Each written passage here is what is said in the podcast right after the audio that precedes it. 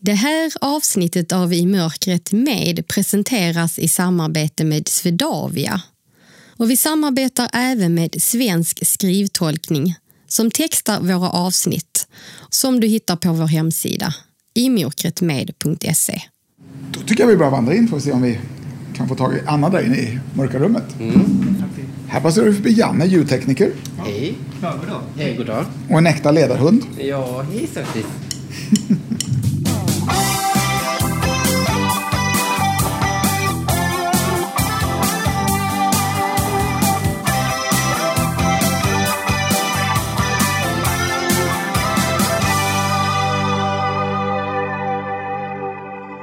Välkommen till I mörkret med, podden som spelas in i totalt mörker på Svartklubben i Stockholm. Jag som pratar heter Anna Bergholtz. Och för att inte missa något avsnitt av I mörkret med kan du prenumerera på oss i din podcastapp där du också gärna får betygsätta oss. Nu till dagens gäst. En äkta entreprenör som började jobba redan som 14-åring och som bestämt sig för att göra något åt orättvisorna i samhället. Skrivandet har alltid varit en del av hans liv och idag driver han Tallbergs förlag som vill skapa förebilder för minoritetsgrupper. 11 år gammal trodde han att han var bisexuell. Därefter blev han homofob och något år senare kom han ut. Vi pratar om hans liv, drömmar om att komma ut, om barns öppenhet och vuxnas fördomar.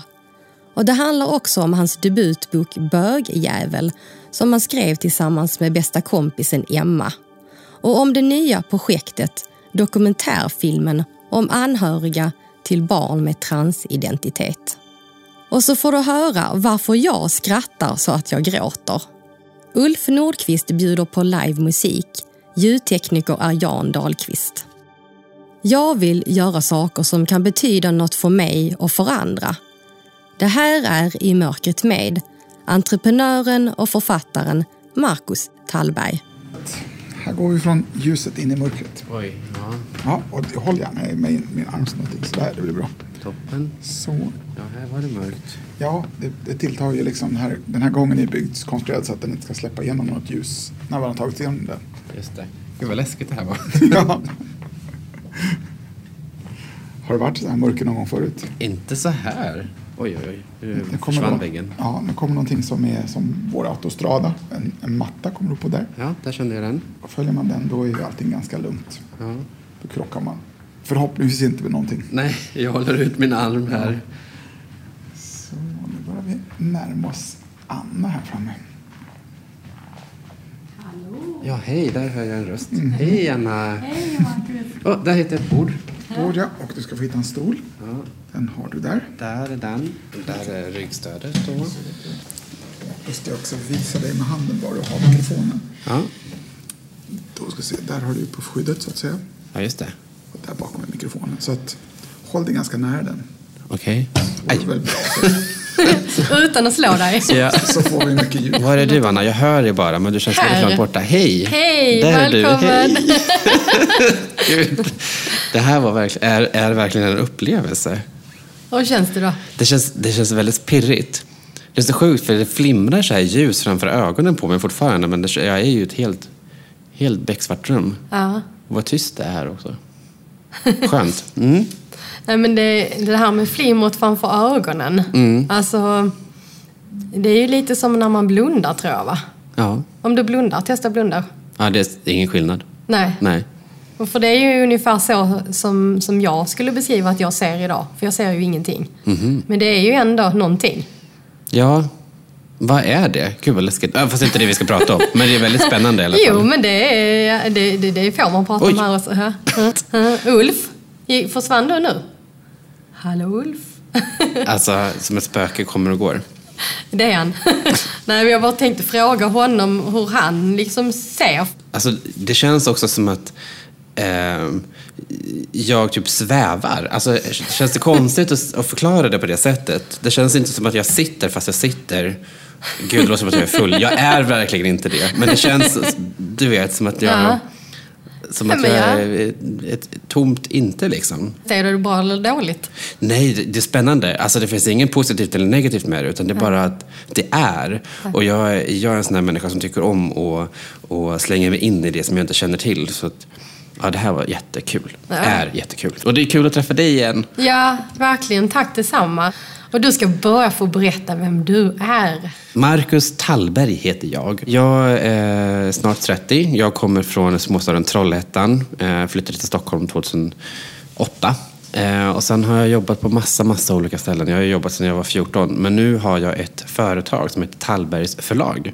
Och där vi, eh, där vi vill skapa förebilder för minoritetsgrupper.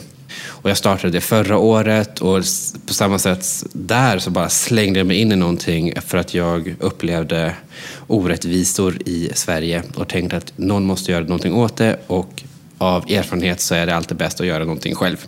Alltså, brinner man för någonting så, så behöver man göra någonting åt det. Man kan inte vänta på att en, en vit riddare ska komma in och, och liksom eh, rädda en på något sätt. Förstår du, Ja. förstår du vad jag menar? Är Ulf här igen eller? Jag hör någonting. Jag tänkte du har också. Hej Anna. Ja, det Ja, är där. som smyger i mörkret. Ja. Nej, men alltså vi kom in på det här med när man inte ser någonting, hur ser man då? Ja, men för mig är det ju ett ständigt flimmer. Det, är som, så, det var det som tog över min syn så att säga, sakta men säkert när jag, när jag blev blind. Så jag höll på tio år och, och, och, och gick i mer eller mindre flimmer. Ja, usch. Men du, förlåt, nu avbryter jag. Men eh, du har en klocka som lyser lite granna. Eller det är någonting i alla fall som är så här lite dovt ljus. Har du det Ulf? Suspekt. Ja, eh, så det, var, det är en cirkel. Jag såg inte exakt vad det var, men det var en cirkel som var lite så här dovt det borta? grönt. Är det nu är det borta borta. nu? Ja, Ja. han gjorde någonting, så nu är det borta. Har du inte gjort sån här kollen på dig själv idag Ulf? Nej, det kanske gick lite fort. Ja. ja. Jo, nej, det var jag kände. Det var en klocka. Men, det- men är det så flimrigt för dig fortfarande då? Ja, det är det. Men skillnaden blir ju, ju, ju längre jag har varit blind så är det inte som att jag lägger märke till det. Det är inte som att jag går och tänker på det, men just nu ser jag det väldigt tydligt alltså för att jag tänker på det. Det är, det är liksom ingen grej, utan det, det bara är så. ja. Nej, men det är lite intressant för att många har ju en föreställning om att det är helt liksom, mörkt och det är det ju ändå inte Nej, riktigt. nej, nej, det är väldigt färgrikt faktiskt. Det är alla möjliga färger. ja, jag hade grönt förut. När Ulf kom in så blev det blått.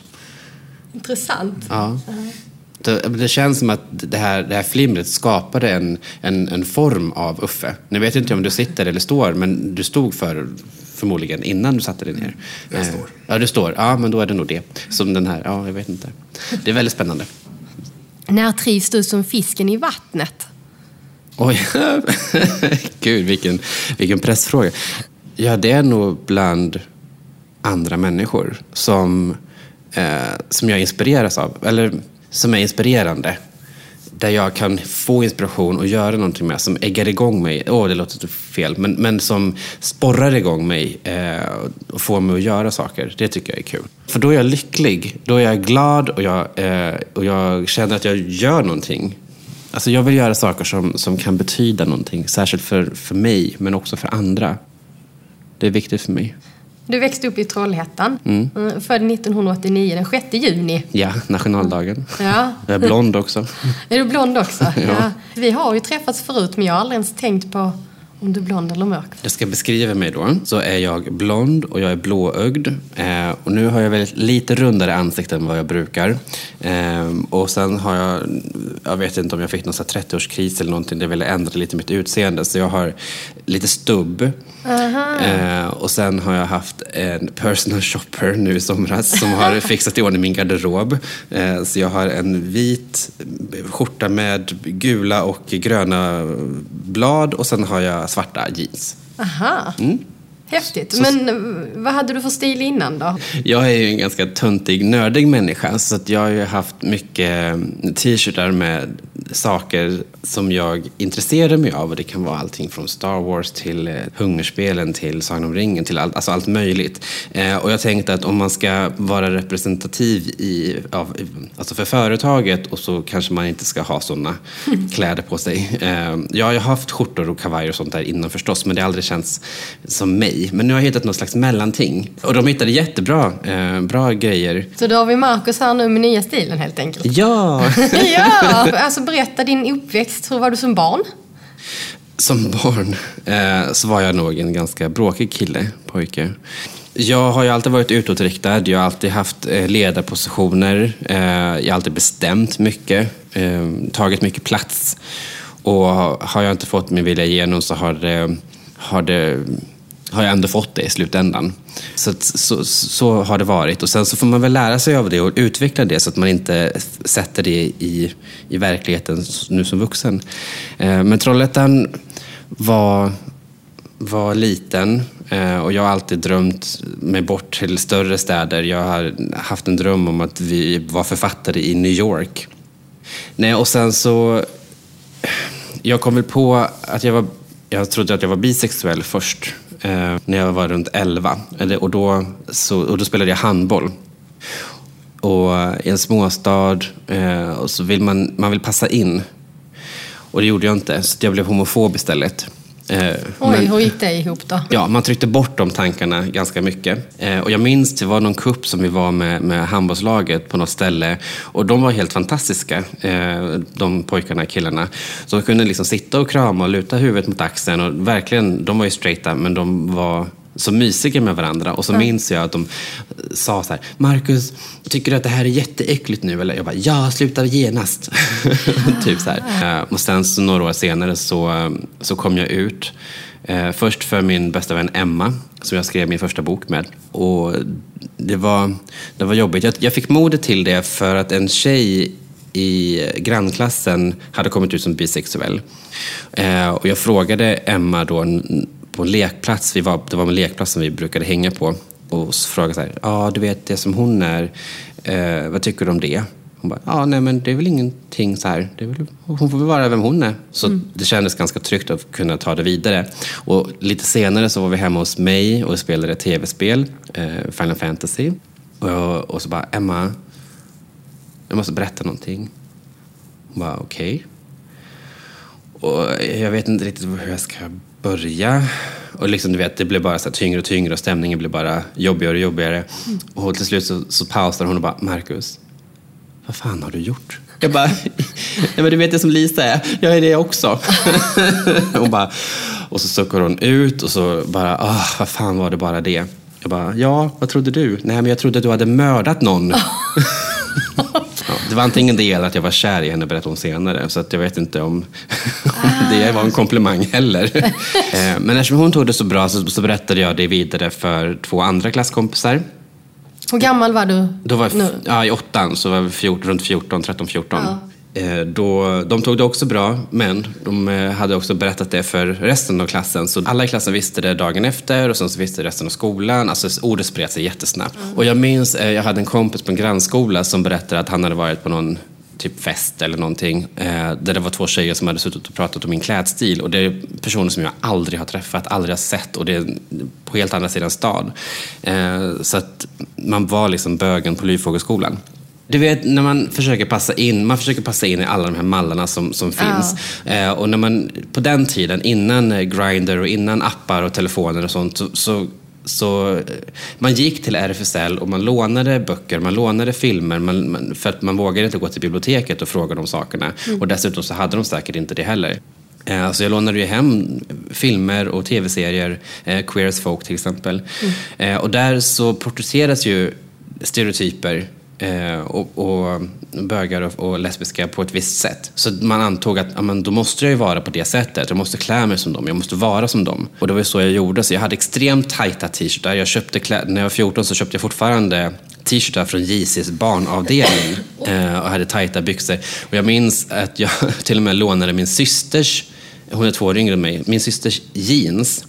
Och och så minns jag att vi pratade om, om, om storlekar eh, på eh, killar eh, vid ett tillfälle, jag och några tjejkompisar i, i klassen. Eh, och så, så kom det fram att ja, vi vet ju att du inte är särskilt liten, Marcus. Jag bara, hur, hur sjutton vet du det? Var, var, vem har sagt det? Liksom?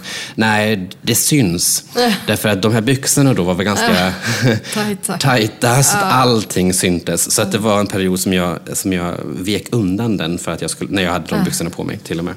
Men Eh, alltså, jag måste bara fråga. För att Först sa du att du liksom försökte passa in i mallen för normen och dölja liksom... Eh, du trodde först att du var bisexuell och sen Mm. var du homofob. Eh, men sen försökte du ändå liksom vara som dem i den här tv-serien. Ja, alltså först så vill man ju passa in och vara som alla andra men sen så när det kortet var rökt eh, och folk redan visste vem jag var då var jag ju tvungen att porträttera den andra rollen. Så det var väl på det sättet att eftersom alla redan vet vem jag är då kan jag lika gärna vara det fullt ut. Och sen så när jag var 16, första året på gymnasiet så gjorde lokaltidningen TT Ela en, eh, ett porträtt på mig. Eh, en hel sida om att våga ta steget.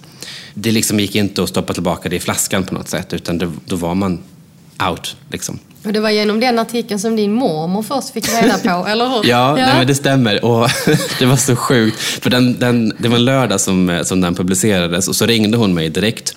Eh, och bara, varför har du inte berättat det för mig? Jag bara, ja, nej men... Ja, det, det var väl inget som jag behöver liksom berätta. För det är att man tänker så här, varför måste jag komma ut för varenda ny människa? Eh, alla vet väl redan.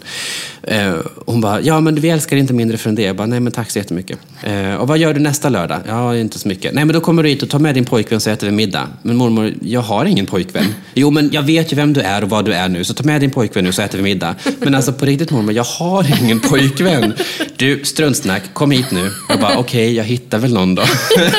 så jag tog med mig faktiskt en, en kille, och åt middag. Men som inte var din pojkvän eller? Nej, nej. Alltså hur, hur var det för dig att komma ut? Ja, alltså i slutändan så är det ganska viktigt för, eller för mig att komma ut. Därför att det kändes som att man hela tiden var i ett mörker. Det vi är nu. Ja. Nej, men det, men att man, man, man ljög för sig själv. Man kunde inte vara sig själv. Man kunde inte säga det man ville. Eh, och det kändes hela tiden som att man har en mask. Och de här maskerna har vi på oss ändå. Eh, jag vill kunna säga att om jag är kär i honom eller jag tycker om honom eller whatever utan att det ska vara eller någonting som man ser ner på. Men det är svårt, det är tufft. Eh, Jag tror att vi har kommit ganska långt och blivit, blivit mer accepterande på den fronten. Men sen så finns det andra saker som vi behöver jobba på förstås. Vad tänker du då? Vad behöver vi jobba på? Transfrågan till exempel. Men jag är inte trans själv så jag kan inte ta, och ta den striden på det sättet. Men vi behöver tänka om hur vi bemöter varandra.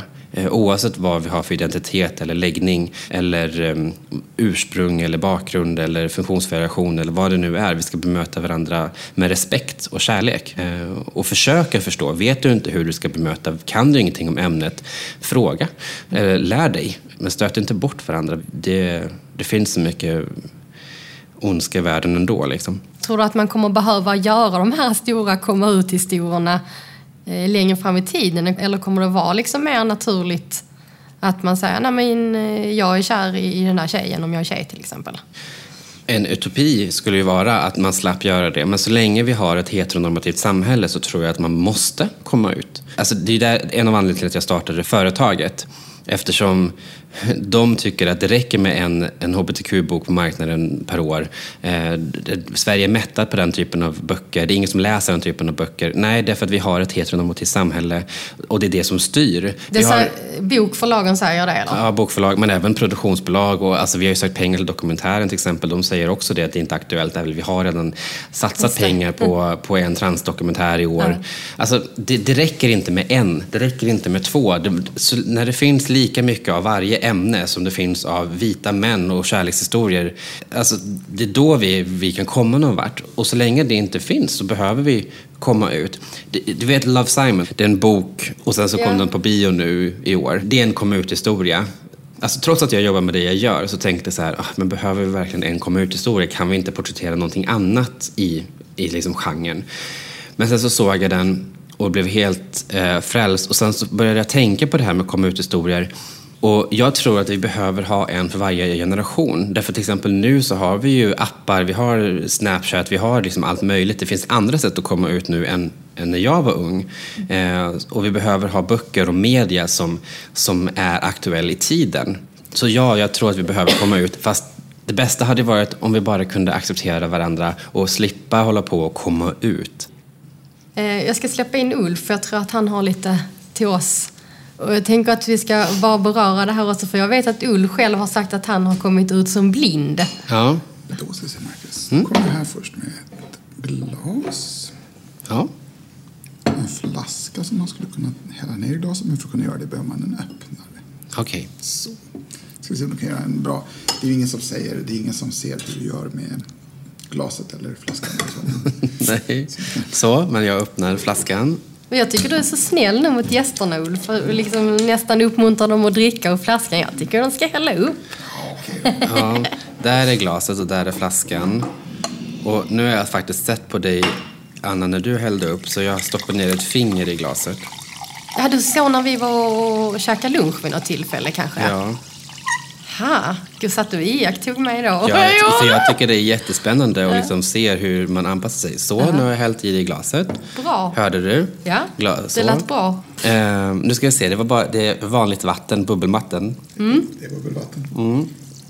Det var väldigt törstsläckande. Nu Marcus så kommer det här också två små fat. Där kommer ett fat. Sen kommer ett fat till. Eller får, får Vi se om det- du kan... Ja, Jag känner dofter. Det här, det, det, det luktar korv. Nej? Nej.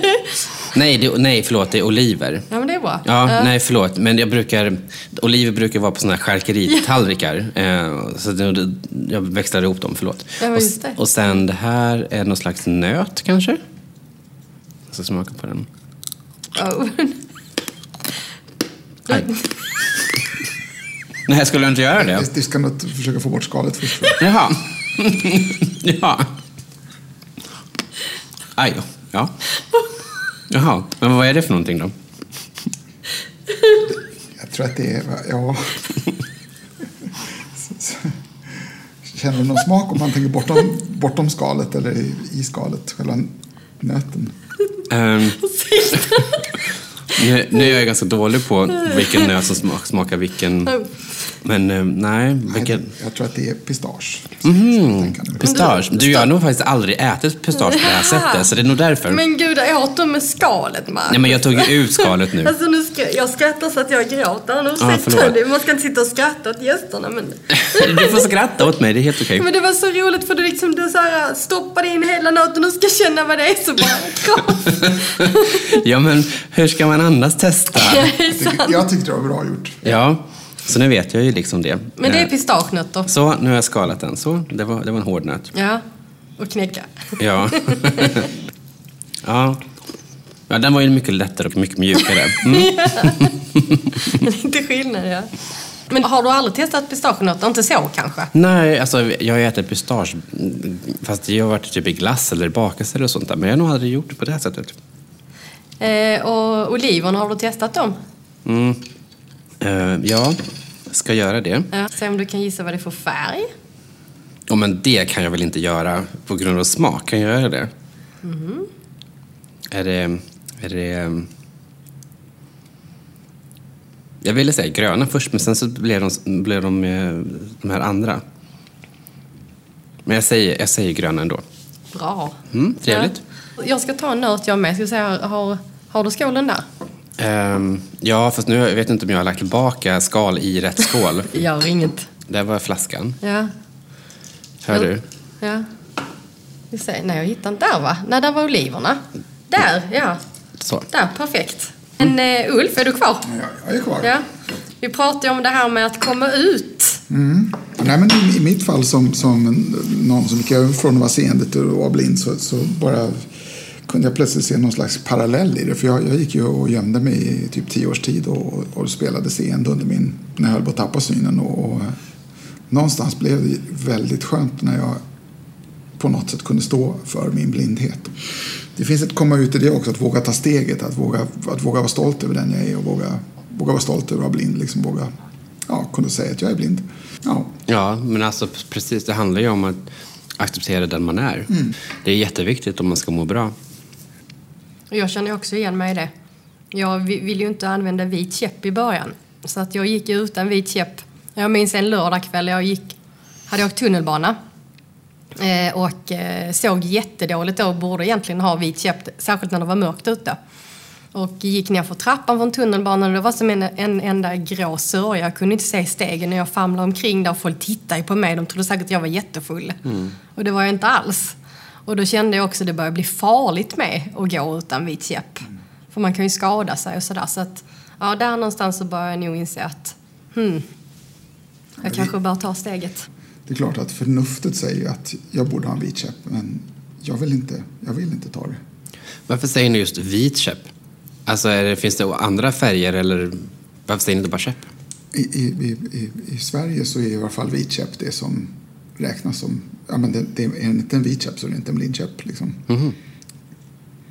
Det är ju, att den är vit är ju också eh, en så här signal till att man har en synnedsättning. Och det är väl i andra länder också. eh, Men inte överallt. Nej, i Brasilien har de ju alla möjliga... Där kan man säga att de har regnbågskäppar. Nej, men det finns verkligen alla. De, det, är, det är gröna, de är röda, de är blåa. De är, alltså det är jättespännande. Eh, Frågan är liksom om det skulle kunna funka här också med lite färg. det är ju egentligen lite roligare. Egentligen roligare. Sen så kan man ju säga att, att vara fyrkantig kan ju också vara väldigt bra för då är det, blir det väldigt tydligt. Ja, vad jag tänkte på nu här. Eh, komma ut, det var det, det vi var inne på ja. Ja, Ja. vad tänker du? Ja, nej, men som Uffe sa, det finns ju ganska mycket paralleller. Alltså, i, I grund och botten så är vi alla människor. Eh, och vi behöver... Alltså, vi alla har olika sorters behov. Eh, men vi måste på något sätt börja med oss själva. Och, och jag vet att etiketter är väldigt bra. Eh, det kan också vara väldigt dåligt. Men oftast så finns det en anledning till att de finns. Men som till exempel, jag brukar använda eh, Camilla, som är eh, en av mina författare, hon har en historia om hennes son som kom ut som transsexuell när han var, var fyra. Eller fyra och ett halvt. Och sen så pratade de, de var på en bussresa. Eh, Då hade de suttit på bussen, det var full, fullsmockat. Och helt plötsligt så säger han så här, mamma vad är bög? Eh, Och hon bara, åh kunde du inte ha väntat liksom tills vi var fem minuter då vi var hemma så vi kunde ta det i lugn och ro. För att hon vill ju svara på de här frågorna och vill inte liksom sk- skylla undan dem. Liksom så. Och då så hade hon förklarat att ja, nej, men det, är- det är när en, en kille blir kär i en annan kille. Ja, men jag blir inte kär i killar. Nej, men det dina kompisar kanske inte vet är att det finns ett ord för tjejer som blir kär i tjejer och det, och det heter lesbisk. Ja, men jag är ingen tjej. Nej, men det finns också ett ord där man, eh, ja, där man är som du, en pojke med snippa som, som då heter det att man är transsexuell. Eh, han blev så här, ah, ja men det är det jag är. Det är det jag är. Jag är transsexuell, sa han. Och, och för honom så var det jätteviktigt att ha den etiketten på sig. Men idag så är det inte alls det. Idag ser han sig själv som en, en eh, kille. Alltså han, transsexuell, det är någonting som har förklarat hans, hans resa, men det kille, det är den han är. If that makes sense. För mig gör det det i alla fall. Men alla vet ju inte vad det innebär. Kan du förklara det?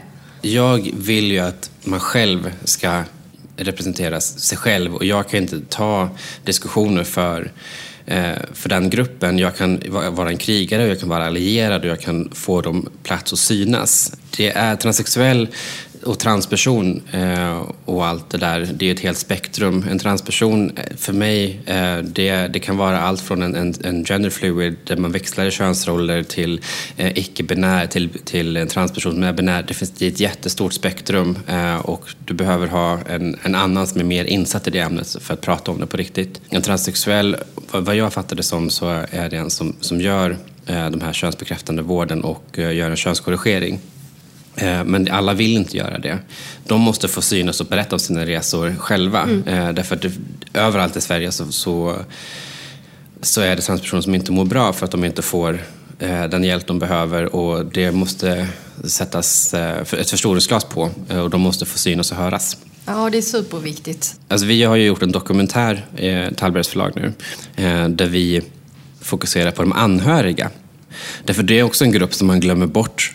De har också en startsträcka och de har också en process eh, som de behöver gå igenom. Den heter Rädda våra liv. Eh, och den här dokumentären den handlar om tre stycken eh, barn med transidentitet eh, runt om i Sverige där det inte har varit lätt, där det inte är lätt. Och den här dokumentären den har ju vi gjort helt gratis själva. Vi fick ihop 35 000 som räckte till inspelning, resor och mat.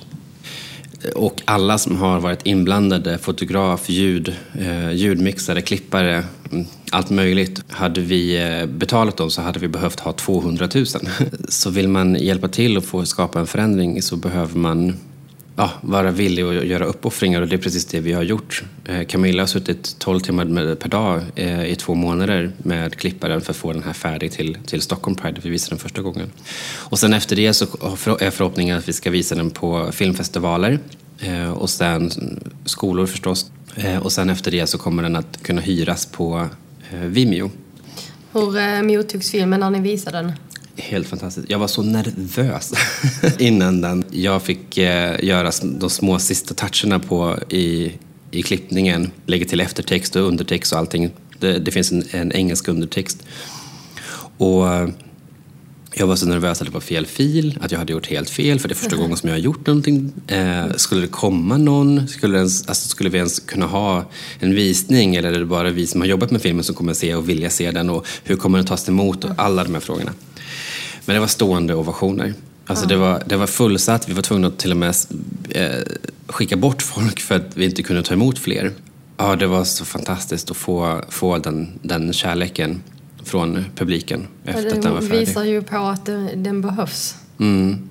Och jag träffade, vi visade den i Göteborg också. Det var eh, några transpersoner som kom fram efteråt också och sa att eh, när, när ska ni visa den? När ska den komma ut? För jag vill att mina föräldrar ska se den här. Jag vill att mina vänner ska se den här. Ja, jätteviktigt. Verkligen. Ja. Men tillbaks till ditt liv, Marcus. Mm. Om vi pratar skolgången först så har dina släktingar sagt att du var ett ljushuvud i skolan, läste jag någonstans. Ja, de säger att jag har haft min pappas hjärna, vilket jag alltid har tyckt är ett väldigt underligt uttryck, för det låter som att jag har tagit pappas hjärna. Ja, ljushuvud. Så jag har ju, när jag var med i den här tidningen och innan jag kom ut så träffade jag en äldre eh, kille. Jag var 14, han var 26. Och som tog mig runt liksom, i Västra Götaland på, på fester och jag levde liksom livet. Um, och sen var jag handbollstränare. Jag började faktiskt jobba på lokaltidningen som hade gjort eh, det här projektet på mig. Och jag jobbade på RFSL. Jag började på RFSL när jag var 14. Där så skötte jag deras söndagscafé. Jag var med på deras pubbar och körde var DJ och, och värdinna eller värd. Det var också på den tiden då man kunde röka inomhus. Oh, ja, så att, det var fruktansvärt att komma hem sen och, och kläderna luktade oh. så äckligt. Uh. Det var mitt liv. Skolan det blev liksom den sista prioriteringen. Och sen under mina föräldrars skilsmässa under gymnasiet så mådde jag jättedåligt. Så jag var borta väldigt mycket i skolan. Så det var ens ett under att jag kunde eh, få ta studenten. Och sen så ville jag bara bort. Så då kom jag till Stockholm. Och nu till vår samarbetspartner Swedavia och Håkan Sevegran som jobbar som ledsagare på Arlanda. Har du några roliga historier att berätta från, från jobbet som du har varit med om? Ja, nej, men jag har ju träffat eh, flera roliga människor. Det är väl det som ger kickarna på något sätt när man jobbar här ute. Eh, jag har träffat eh, bland annat en 105-årig man som reste världen runt med sin 80-åriga son. Eh, han satt i rullstol men det gjorde inte sonen. Eh, och de kom egentligen från Sydamerika från början och sen fortsatte de ifrån Stockholm till Helsingfors och Sankt Petersburg och Moskva tror jag de skulle till. Men det var ju en fantastisk man att få träffa. Eh, han kunde inte vare sig engelska eller svenska men han berättade på spanska via sin son då att det här var hans största önskan i hela livet. Och nu äntligen hade han kommit iväg. Jorden runt, 105 år gammal. Ja, precis. Det är fantastiskt. Har du några andra historier? Ja, det finns många fina små händelser som händer med de här ensamåkande små barnen. Speciellt de här unga eh, pojkarna och flickorna som kommer ganska långt ifrån och de är lite trötta sådär så det är lätt att de somnar i väntan på anslutningsflyg. Men jag kommer ihåg speciellt en liten flicka som skulle gå med mig från ena eh, gaten till den andra egentligen. Men hon var lite orolig sådär så jag kände en liten hand som kom i min hand och så fick hon lite trygghet den vägen och så var allting ganska okej okay sen i alla fall. Då, så hon fick flyga vidare till sin hemort. Um, jag vet att det var något barn som var väldigt orolig för hur han skulle få upp väskan i hatthyllan eller bagagehyllan ovanför sätena för han nådde ju inte riktigt upp. Men jag sa det att du kan ju i alla fall fråga flygvärdinnan om hon kan hjälpa dig. Och det tyckte han var en bra idé, så han gjorde det. ja. ja, det är klart att det kan oroa en om man är en liten och kort och inte når upp. Hur ska man få upp väskan där? Eh, Mitt första jobb var på Gröna Lund som eh, attraktionsvärd för barnkarusellerna. Och sen så har jag växlat jobb. Jag har varit au pair på Lidingö. Eh, Jag har varit personlig assistent. Jag har jobbat på Casino Cosmopol där jag först var dealer och sen så jobbade jag på eh, bokningsavdelningen. Och sen så jobbade jag på ett säljbolag eh, som marknadskoordinator i Västerås. Och sen så gick jag in i väggen och sen så var jag tvungen att pussla ihop mitt liv igen och fundera ut vad är det jag vill göra egentligen. Och jag är en väldigt kreativ människa och jag vill göra mycket saker för andra och för mig själv och jag tänker att om jag kan använda min position som en vit man eh, så ska jag göra det för att lyfta fram andra. Det var så Tallbergs förlag kom till. Från orättvisan av att, som sagt, de här, de här förlagen säger att men Sverige är mättat på hbtq-litteratur, det finns ingen marknad för det. Men vad är det för föreställning alltså andra bokförlag och produktionsbolag har då, tror du? Jag vet inte, jag kan inte tala för dem. Jag vet bara vad jag får, eh, vad jag får för svar och vad andra har fått för svar. Eh, Och jag känner ju igen det när det gäller, jag har ju skrivit två barnböcker som är inom liksom funktionalitet, funktionsnedsättning. Det är lite samma svar där. Ja, det är så konstigt. Det räcker inte bara som sagt med en bok som ska representera allt, utan alla historier behövs. De behöver höras och synas, för de är så olika också. Tror du att eh, man tänker som så att, eh, att man inte skulle vilja läsa dem om man inte själv är direkt berörd? Jag kanske är lite naiv, men jag tycker ju att alla personer som har med människor att göra behöver läsa Precis, böcker jag håller om- med. Och, så det är ju inte bara den gruppen som boken representerar som ska läsa den. Men kan det vara så de tänker, tror du? För jag Kanske. försöker förstå. Ja, men alltså, jag, jag vet. Men alltså, det, är ju, det är ju kokböcker och deckare som säljer och då fokuserar man på det. Det är ju en tuff bransch, jag vet det. Nej, men man har ju, jag har en slags önskan eller liksom dröm om att det kommer kunna eh, gå runt i företaget. Och det är ju mina sparpengar som har startat hela produktionen. Så det, det, jag stod för åtta böcker, åtta, åtta titlar i våras eh, som kommer från min ficka. Och jag är inte miljonär. Jag kan inte fortsätta göra på det sättet men det var viktigt för mig att, att starta någonstans. Men så sen 2013 så berättade du att du gick in i väggen. Hur tog du dig tillbaks från det då? Det tog lång tid. Ett halvår ungefär, eller om inte mer. Eh, och jag, jag blir extremt rastlös om jag inte har någonting att göra. Eh, men det var viktigt för mig att vila då. Och jag har tendenser på att gå in i väggen fortfarande. Eh, men jag måste påminna mig själv om att ta pauser och ta det lugnt. Gör du det då? Mer och mer. Jag slarvade ganska mycket i början när vi startade företaget men eh, jag har ju sett från andra, eller de andra, andra personerna har ju påpekat det också. Eh, så att jag tar dem på orden och tar det till mig och försöker ta pauser mer och mer nu. Men jag har ju alltid, fått, alltså jag har alltid slåtts alltså, och kämpat mig framåt och uppåt för att jag, det är det jag har behövt göra. Eh, så det är inte konstigt att jag, tycker jag, att jag har gjort alla de här sakerna därför att jag har kämpat för det. Och man behöver inte ha en utbildning så länge man har en, en, ett engagemang och en vilja att lära sig. Ja, det är jättebra. Det tänker jag liksom folk som lyssnar. För att det är så här... Men det är, det är också så någon slags norm att det ska man ha. Men det är ju jättemånga som, som har fått göra och om man säger citat lyckats ändå fast man inte har någon utbildning.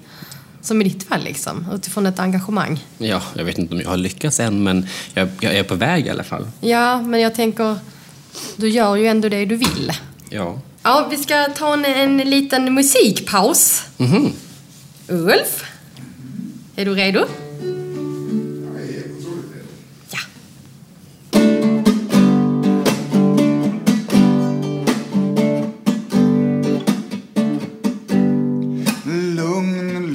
Jag ber om ursäkt direkt om jag är krånglig och lätt defekt. Så där kan jag förstå att jag är till besvär. Vet ej om jag störde din ro med mina tankar och mina behov. Ledsen om jag är benägen att ställa mig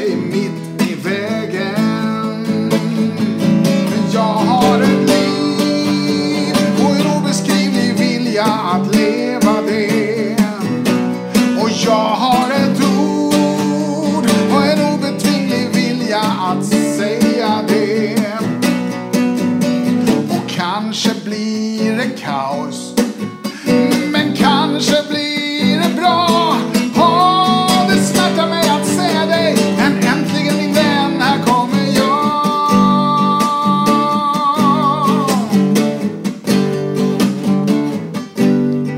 Lugn, lugn, jag vill inte vara dryg. Jag är född, har gymnasiebetyg.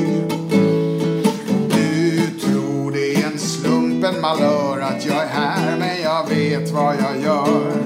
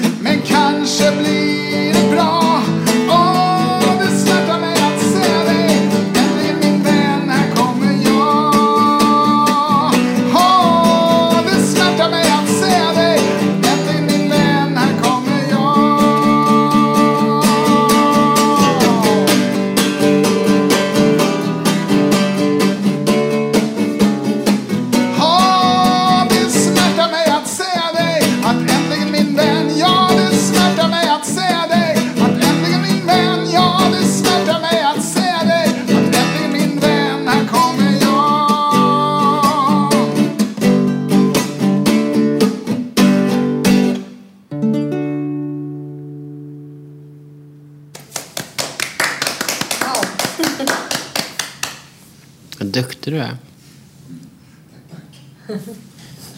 Och passande låt med på det vis tycker jag. Ja, väldigt fin röst också. Hur kommer det sig att du valde att börja skriva? Oj, jag vet inte om det var ett val, utan det har alltid funnits där på något sätt. Eh, Jag minns, även när jag var liten så skrev jag ju sagor eh, som jag faktiskt hittat nyligen.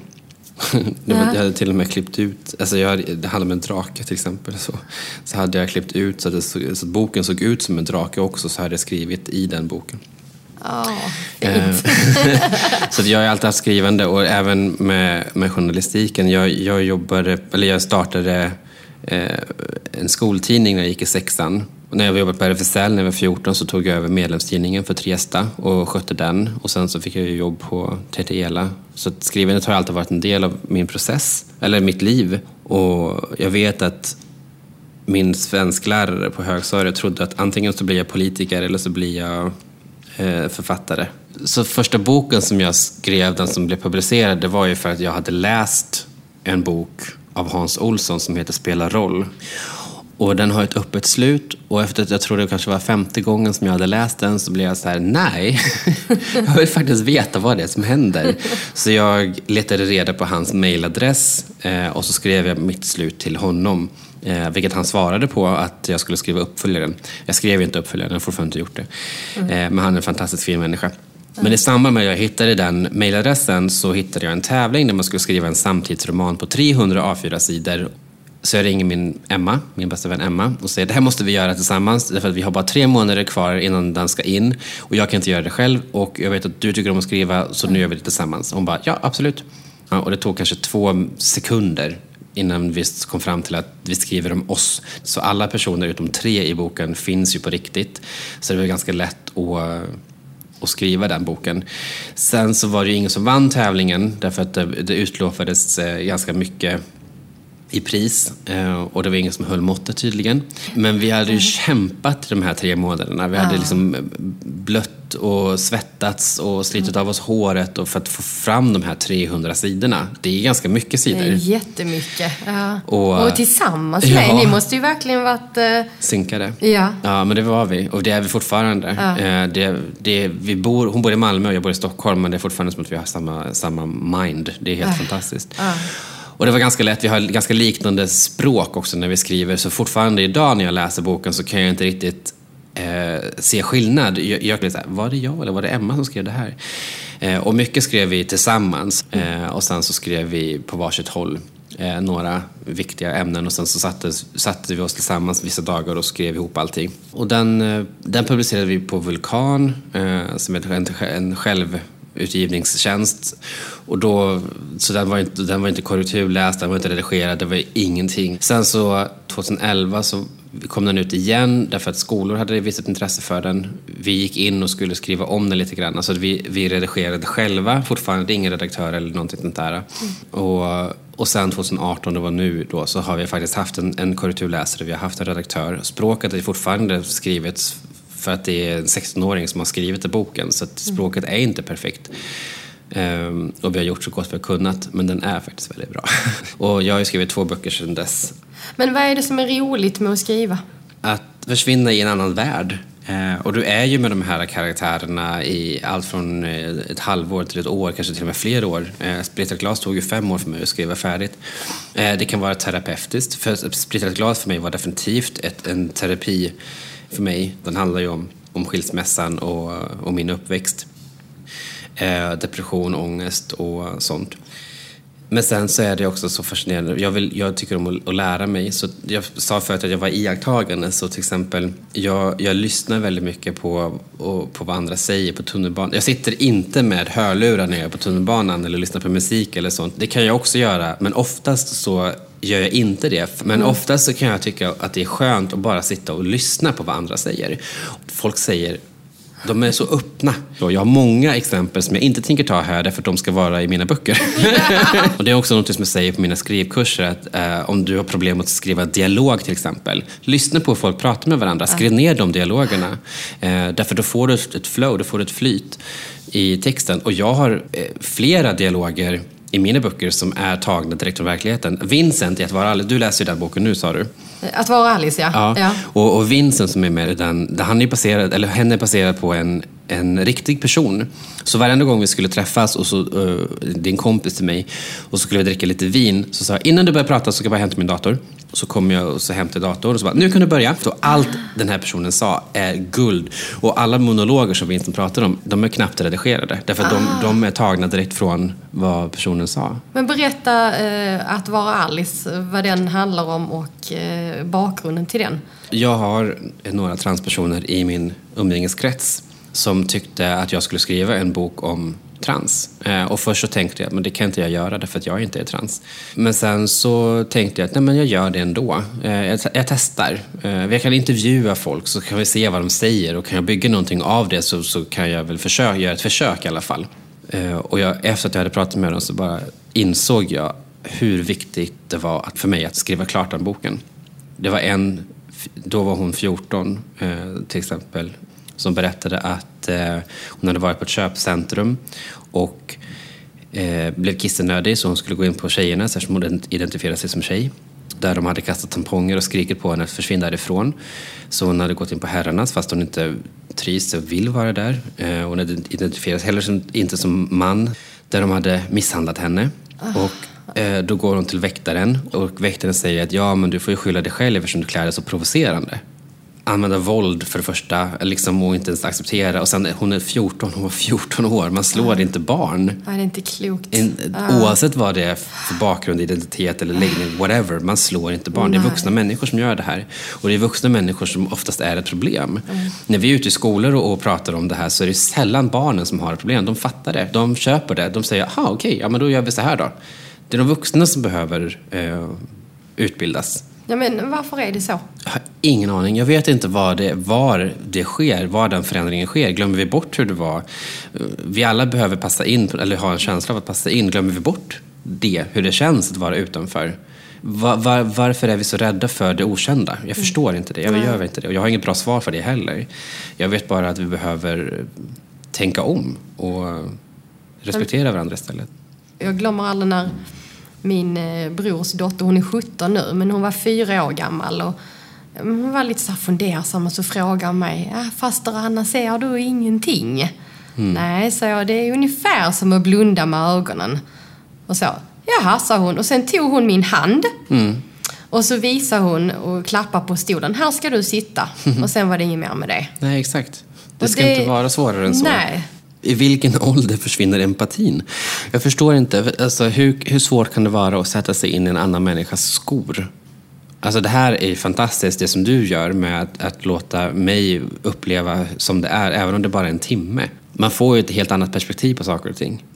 Bortsett att du jobbar nu med eh, Tallbergs förlag. Mm. Och du tar ju inte ut någon lön så att jag antar då att du har något annat jobb också. Va, vad gör du bortsett förlaget?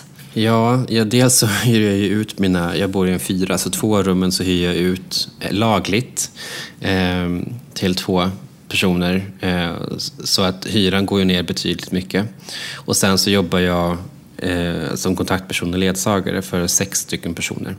Jobbar du som ledsagare även för personer som, som inte ser? Har synnedsättning? Eh, nej, de som jag har är oftast as, eh, Asperger, eller inom autismspektrat. Eh, ADHD också. Eh, sen har jag varit personlig assistent. Sen har jag jobbat med en som heter MS. Det var det svåraste och tuffaste jag har gjort.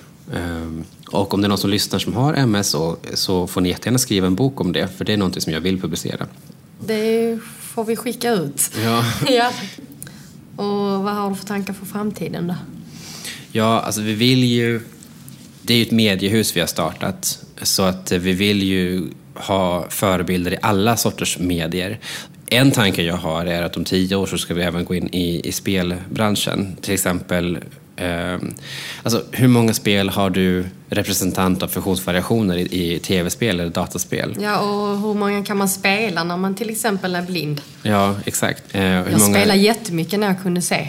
Ja. Jag älskade det. Det är en sån sak jag kan sakna ibland. Nej men det ser du. Mm. Eh, och även representation av hbtq, etnicitet, alltså alla de här typer av minoritetsgrupper. Eh, och sen så är ju det här med hur kvinnan representeras i spel. Det är oftast stora bröst, smala Mm. midjor, alltså det är väldigt sexistiskt. Och sen så vill vi naturligtvis utöka, vi vill ju kunna gå runt så att vi kan eh, betala ut löner, vi kan eh, ha kollektivavtal och alla de här grejerna. Eh, men det är svårt just nu. Vi behöver all hjälp vi kan få. Eh, särskilt när det gäller marknadsföring och sociala medier och sånt. Eh, sen har ju du och din man en podd också. ja, Vad heter den?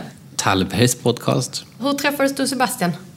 Ja, via den här lilla gula appen, Grindr. Är det en sån här dating Ja, det är en, eller? det är en datingapp för, eh, för män som dejtar män. Eh, Nu var det väldigt länge sedan jag använde Grindr så jag vet inte. Men på den tiden så var det i alla fall på det sättet. att Det var, men då, då, då såg man liksom vilka som var, som var närmast och så kunde man...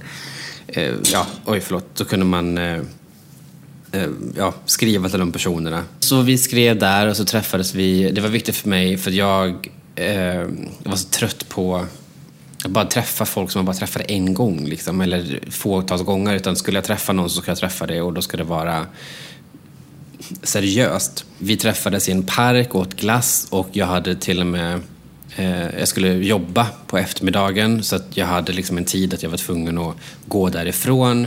Eh, och så att det inte var den här risken eller möjligheten att man, man hamnar i, i säng eller börjar så. Och så var det en offentlig plats och hela den här grejen. Och det var en, en helt fantastisk kille som jag träffade. Eh, och vi satt och pratade och vi verkligen klickade. Vi gifte oss förra sommaren. Då kändes det rätt? Ja, Ja, och hur vet man det då, när det är rätt? Jag vet inte. Alltså, vi pratade igenom väldigt mycket. Så att vi visste var vi var på väg i livet och vad är det vi behöver, vad är det för behov vi behöver eh, för att vi ska kunna vara lyckliga. Sen så kan de naturligtvis ändras. Vi hade eh, häftiga diskussioner eh, så att vi visste, så att ja, men testade varandra liksom på något sätt. Jag skulle väl råda folk att, att vänta med de här stora besluten efter ett år. Därför att jag har hört, jag vet inte själv, men det är väl forskat i det här med att endorfinerna tar slut efter första året. Eh, så att det är då man känner sig som, som nykär, som, som kärast. Eh, efter det så är det en vilja och liksom man, man behöver ha för varandra. Så att vänta med stora beslut alltså, förrän du har varit tillsammans i ett år. Just det, innan, innan man flyttar ihop. Innan du och- flyttar ihop, innan du bestämmer någonting annat. Vi ska avrunda. Mm. Du ska få lite snabbfrågor av mig. Okej? Te eller kaffe? Te? Chips eller smågodis? Choklad? Spara eller spendera? Oh. Eh, jag, jag har ju faktiskt blivit bättre på att spara nu, men jag har väldigt lätt att spendera. Så att det var ja, vi säger väl ett moget svar då, att spara. Ja, hemmakväll eller utekväll? Hemmakväll. Då är det oftast att man eh, ser en film, eller man kan dricka vin på balkongen, eller man kan spela spelkvällar. Det tycker jag är kul också. Och då är det eh, brädspel. Eh, Ah, kul! Jag kommer över. Jag älskar brädspel. ja, jättegärna. Ja, det är så bortglömt ibland kan jag tycka. Ja, jag vet. Och det är jättemånga som säger, men va? Men det är jättekul. Eh, Så vi har, vi har, det är frågesport, eh, brädspel eller så är det typ risk. Senast var det faktiskt Monopol. Men då var det Ja. Po- Pokémon Monopol. Så, Ja, ja, Vi, vi har bo- Bondmonopol hemma hos oss. Jajamensan. Prata eller lyssna? Eh, Alltså du hör ju på mig, jag pratar ju ganska mycket. Ja, men det Eh, får man här. ja, och det är ju så det har varit liksom hela mitt liv. Jag har bara pratat, pratat, pratat, pratat. Det roliga var för några år sedan, eh, snabba frågor var det här och så har jag ett helt annat utlägg. Men så, för jag har alltid varit den här som varit i, i center of attention. Jag har alltid liksom fått prata och tagit plats och sånt. För mig så har det varit att jag satt på mig en, en, en mask därför att folk ska slippa fråga hur jag mår. Och då var det en kväll där jag kände att jag, jag orkar inte låtsas, jag orkar inte ha den här fake-masken på mig. Så jag satt och, och lyssnade bara. Och då var det en som bara märkte det direkt. Alltså det var så stor skillnad. Men det är faktiskt skönt att lyssna. Och när man lyssnar, det är då man, får, man kan utvecklas och det är då man får idéer till sina böcker. Ja, lyssna på tunnelbanan bland Ja. annat. Globetrotter, resa runt alltså. Eller Mm. eh, fritidshus. Det beror på humör. Idag skulle jag säga resa. Tv-program, debatt eller idol. Debatt. Det var snabbt. Ja, skratt-tv är ingenting för mig. Eh, Vad menar du med skratt-tv? alltså, de, det känns inte äkta. Eh, för mig. Det finns säkert jättemånga fördelar med de här programmen också. Eh, men jag råkar känna någon, flera som har varit med också. Och det, det blir så att de, de producerar de här karaktärerna eh, och då blir det inte äkta. Kött eller vegetariskt? Eh, vegetariskt. Är du vegetarian? Nej, alltså jag har inga etiketter igen. Ja. Eh, jag väljer helst veganskt, eh, Ja. vegetariskt, men jag kan äta kött så att det är inte så. Men det är sällan. Umgås med barn eller vuxna? Barn. Gud ja. Jag, jag, jag, kan, jag tycker de är, så, de är uppfriskande. Eh, Det finns inga filter där. Utan de, de, de tar dig för den du är. Katt eller hund? Hund. Eh, skriva eller läsa? Skriva. Händig eller tummen mitt i handen? Mittemellan. Jag tycker väl att jag är händig, men sen så kanske jag är slarvig. Okej. Ja, så vi går vidare. Sista nu då. Ja. Ljus eller mörker? Vi sitter ju här i mörkret Vi sitter i mörker och jag föredrar nog faktiskt mörkret. Inte bara för att vi är här, men mörkret före ljus faktiskt. Jag vet Varför inte, det? det är någonting som är rogivande med det på något sätt. Du ska få skriva vår gästbok, Markus, innan vi säger... Oj. Oj, vad var det? Var det jag som välte någonting eller? Ja. ah, det var nog... Eh... En penna, lät det Nej, som? Nej. det var, var skal från en av mina nötter. Här har du framför dig en liten gästbok. Sen flytta lite på oliverna. Vill du ha något mera? Eh, nej, det är lugnt. Där är boken. Ja, och, och du känner på den sidan, du är ju van vid böcker du, men där det är mest sidor. Ja, vi har precis. För de andra är det skrivet på redan. Okej, det är ett snöre där också. Ja. Och du hade satt... eh, ja, det är bläcken är ute. Bra att du kollade det. Ja. Okej, vad ska jag skriva då? Du får skriva precis vad du vill, men så att vi vet att du har varit här.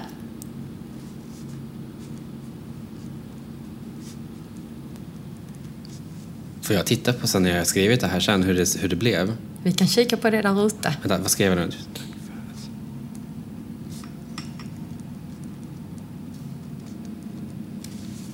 Det låter som du skriver mycket. Ja, det gjorde jag. Ge mig en penna och en bok så skriver jag. Ja, det är så Ja. med författaren. Ja. Så, nu är jag färdig. Kommer du ihåg vad du har skrivit nu då? Ja. Ja, vad skrev du då? Nej, Jag skrev tusen tack för att jag fick komma hit och det har varit inspirerande. Sen inom parentes skrev jag och ögonöppnande. Kram, Marcus. Härligt. Wow, det var mycket. Att du fick plats med det. Ja. Ja, vi får kolla hur det ser ut. Ja. Eh, Hur eh, känns det nu att ha blivit intervjuad i mörkret? Det känns fantastiskt. Ja, alltså det, det känns... Du är så fantastisk människa så att det är väldigt lätt att prata med dig. Du märker hur mycket jag bara... Brrr, liksom. Eh, och jag har knappt märkt att vi har varit i mörkret. Det har varit någonting rogivande med det som jag sa förut. Ja, men det har varit jättekul att ha det här. Som sagt, tusen, tusen tack. Tack själv som sagt. Och lycka till med ditt jätteviktiga och bra arbete. Ja, tack. Tack för att du lyssnat. Och är du nyfiken på att se hur Markus skrev i mörkret, gå in på vår Facebook-sida eller titta där poddar finns. På tallbergsforlag.se hittar du böcker och annat som Markus arbetar med. Tack till våra samarbetspartners Svedavia och Svensk skrivtolkning som du kan läsa mer om på vår hemsida. Och vill du höra av dig till oss har vi e-post hej snabela och hemsida är imokretmed.se. Vi hörs igen om två veckor.